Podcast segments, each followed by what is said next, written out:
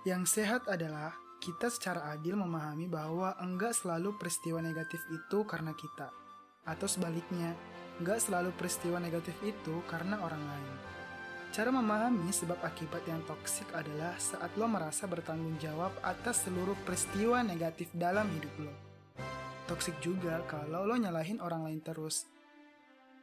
Seorang optimis adalah orang yang bisa dengan adil melihat sebenarnya ini bagian dari tanggung jawab dia atau bukan.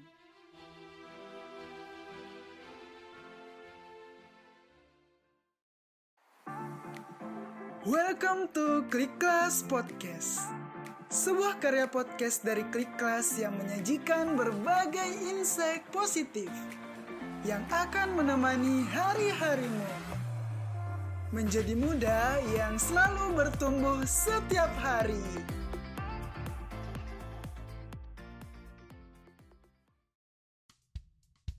Halo Clickers, Assalamualaikum warahmatullahi wabarakatuh. Kembali lagi bersama gue Ari di Klik Class Podcast. By the way, gimana nih kabar lo hari ini?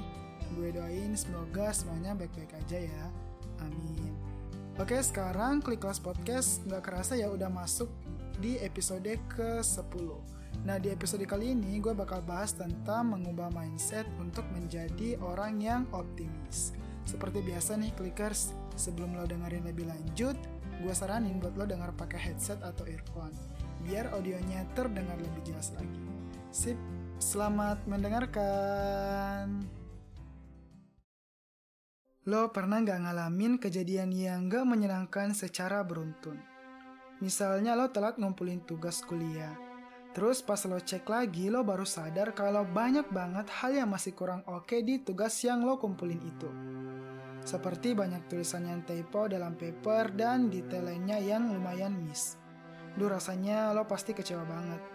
Terus belum lagi di saat yang bersamaan, lo lagi ada konflik sama teman satu kelompok.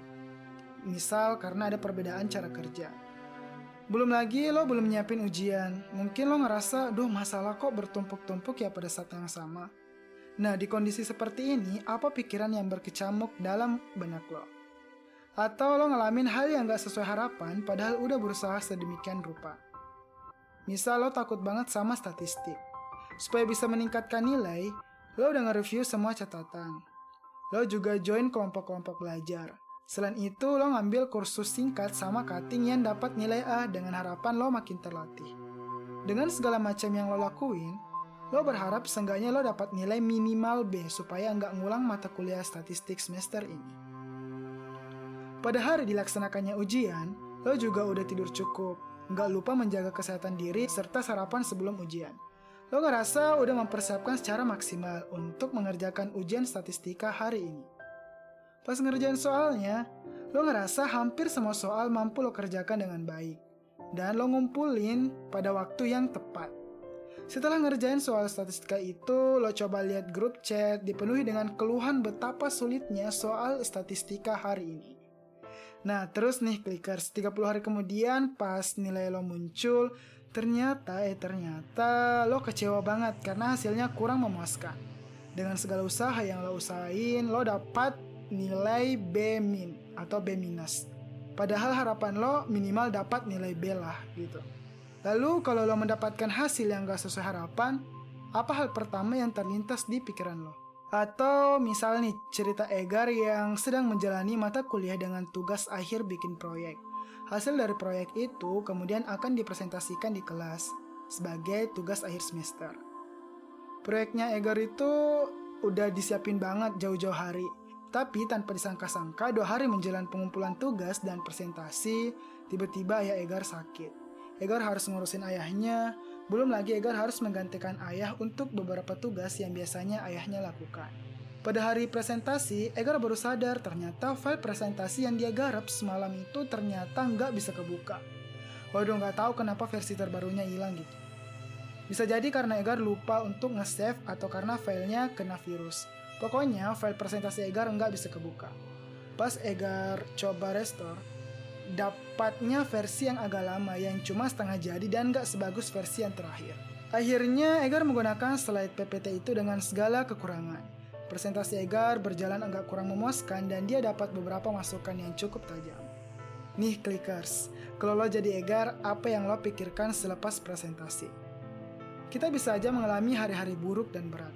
Bisa aja suatu saat kita ngumpulin tugas meskipun udah hati-hati banget, tetap aja banyak salahnya. Pertanyaannya adalah, setelah mengalami serangkaian kejadian yang kurang menyenangkan, bagaimana cara lo menyikapinya? Apa yang lo pikirkan? Misal kalau jadi Egar, setelah dapat feedback tajam dari dosen bahwa kerjaan lo kurang rapi dan teliti, apakah lo akan merasa bahwa lo adalah orang yang paling gak teliti sedunia? Lo merasa diri lo adalah orang terceroboh di sedunia akhirat.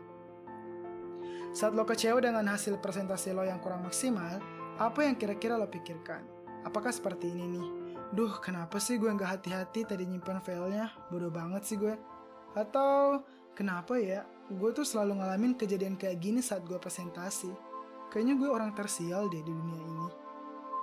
Saat lo bikin kesalahan-kesalahan dalam beberapa hal, apakah lo sering merasa menjadi orang yang selalu membuat kesalahan dalam mengerjakan tugas? Lo merasa bahwa lo adalah orang tersial sedunia. Kalau lo mengangguk dan menjawab pertanyaan gue di atas dengan ya gue selalu merasa paling ceroboh, gue layak dibenci santero pertemanan satu angkatan, dan gue pasti nggak pernah bisa ngerjain statistika, dan kalimat-kalimat lainnya. Waduh, hati-hati nih clickers. Cara menjelaskan sesuatu yang terjadi dalam hidup tanpa kita sadari akan berkontribusi terhadap kebahagiaan kita loh. Kok bisa? Oke, stay tune terus ya. Karena gue akan coba menjelaskan sebuah konsep bernama explanatory style, atau gaya lo menjelaskan sesuatu dalam hidup kita. Explanatory style adalah sebuah cara kita untuk merasionalisasi apa yang terjadi dalam hidup kita, kata Peterson dan Seligman di tahun 1987. Lebih gampangnya, explanatory style itu merupakan gaya kita menjawab sebab akibat dari berbagai peristiwa yang terjadi di sekitar kita. Secara sederhana adalah mengapa hal ini terjadi. Secara umum, ada dua gaya menjelaskan sesuatu, yaitu gaya optimis versus pesimistik. Oke, di sini gue akan mulai dari gaya pesimis ya.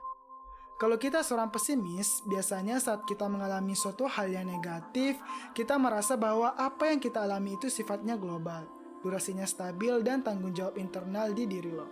Sementara nih, kalau kita seorang optimis, kita akan melihat sesuatu itu yang negatif sebagai sesuatu yang lokal. Waktunya tidak stabil dan penyebabnya bisa jadi dari orang lain alias eksternal dan gak melulu salah kita. Biar lebih jelas, gue akan membawa tiga konsep ini, yaitu pertama global versus lokal, kedua stabil versus tidak stabil, dan ketiga internal versus eksternal. Supaya lebih jelas lagi, gue akan kaitkan dengan cerita gue di awal tadi. Pertama nih, global versus lokal. Misalnya pas tadi presentasi, Egar memiliki beberapa kesalahan dan bisa jadi beberapa typo yang gak diharapkan. Kalau Egar orang yang pesimis, dia akan melihat satu kesalahan kecil yang harusnya cuma lokal aja jadi super gede dan global. Lokal itu ibaratnya sesuatu yang kecil dan lokasinya di situ-situ aja. Typo yang sebenarnya cuma sedikit alias lokal dan gak ngaruh-ngaruh amat sama presentasi Egar, kalau Egar seorang pesimis, dia akan anggap seluruh presentasinya adalah kegagalan. Padahal itu kan cuman kesalahan kecil yang gak perlu digedein. Misalnya lagi, Egar merasa bahwa penampilannya tadi nggak maksimal. Oke lah kenyataannya memang demikian.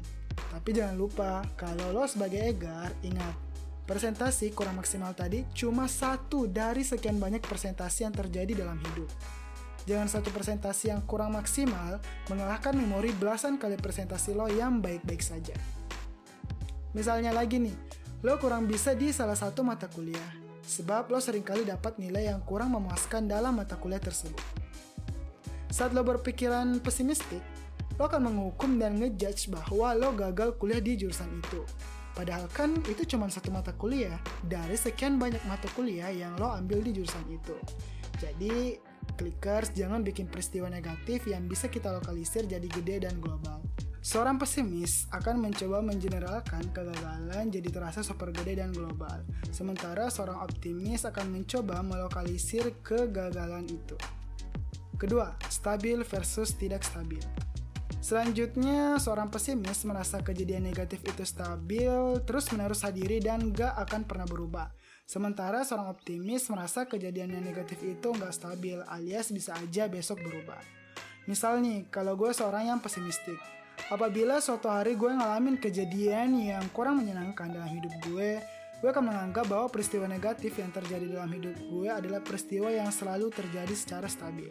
Gue bisa aja memberi label ke hidup gue, hidup yang selalu sial, pasti deh kayak gini kejadiannya. Kalau gue seorang yang optimistis, gue akan menarik hal ini sebagai peristiwa yang gak stabil. Ibaratnya gue lokalisir. Jadi oke okay, cuma hari ini doang. Biasanya gue akan baik-baik aja lagi gitu. Kalau gue optimis, misal saat gue presentasi kurang maksimal, karena gue punya banyak kejadian kurang menyenangkan lainnya secara bersamaan, gue akan menjelaskan bahwa apa-apa yang bikin gue nggak perform dengan baik hari ini adalah sebuah hal yang tidak stabil. Artinya nggak selamanya gue akan mengalami kejadian-kejadian yang kurang menyenangkan pada saat gue akan presentasi. Gak selamanya gue akan terus buruk dalam menyampaikan sesuatu. Atau kalau gue gagal dalam mata kuliah. Sebagai seorang optimis, gue paham bahwa gue nggak selamanya akan dapat nilai B- di mata kuliah statistik. Tapi bisa aja kan suatu saat akan jadi lebih baik lagi. Karena kegagalan itu bukan sesuatu yang stabil terjadi. Pasti ada kesempatan asal kita mau mencoba lagi, lagi, dan lagi. Ketiga, internal versus eksternal. Selanjutnya, tipe penjelasan yang terakhir kepada siapakah lo menyandarkan tanggung jawab atas kejadian-kejadian negatif yang menimpa diri lo. Karakteristik internal atau eksternal mengacu pada sumber kendali dan tanggung jawab untuk peristiwa tertentu. Jika lo mengaitkan tanggung jawab dengan diri lo sendiri, maka kontrolnya adalah internal. Jika tanggung jawab dikaitkan dengan orang lain atau faktor lain, maka kontrolnya adalah eksternal. Yang sehat adalah kita secara adil memahami bahwa nggak selalu peristiwa negatif itu karena kita, atau sebaliknya, nggak selalu peristiwa negatif itu karena orang lain. Cara memahami sebab akibat yang toksik adalah saat lo merasa bertanggung jawab atas seluruh peristiwa negatif dalam hidup lo. Toksik juga kalau lo nyalahin orang lain terus. Seorang optimis adalah orang yang bisa dengan adil melihat sebenarnya ini tuh bagian dari tanggung jawab dia atau enggak. Karena gue seorang muslim, ada konsep dalam Islam bahwa ada ranah yang memang perlu kita usahain secara maksimal. Ada juga peristiwa-peristiwa dalam hidup kita yang kita nggak punya kendali, kayak gue lahir dari siapa, jenis kelamin apa, dan gue dilahirkan di kota dan negara apa, itu ya di luar dari kuasa gue gitu.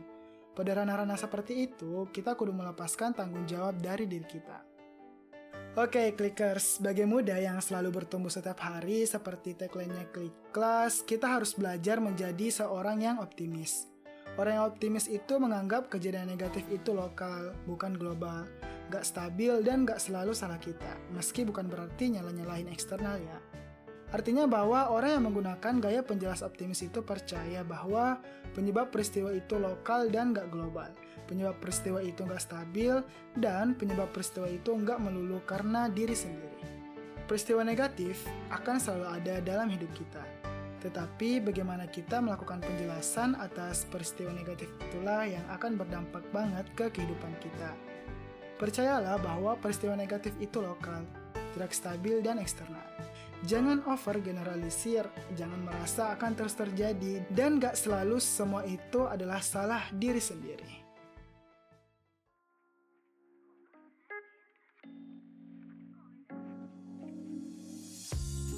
Cukup sekian dari gue.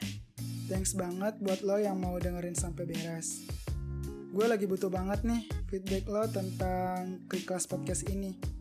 Lo bisa langsung berkunjung di Instagram at klik.kelas. Di sana banyak juga insight positif lainnya. Sekali lagi, gue Ari. Sekian dan terima kasih. Semangat menjadi muda yang selalu bertumbuh setiap hari.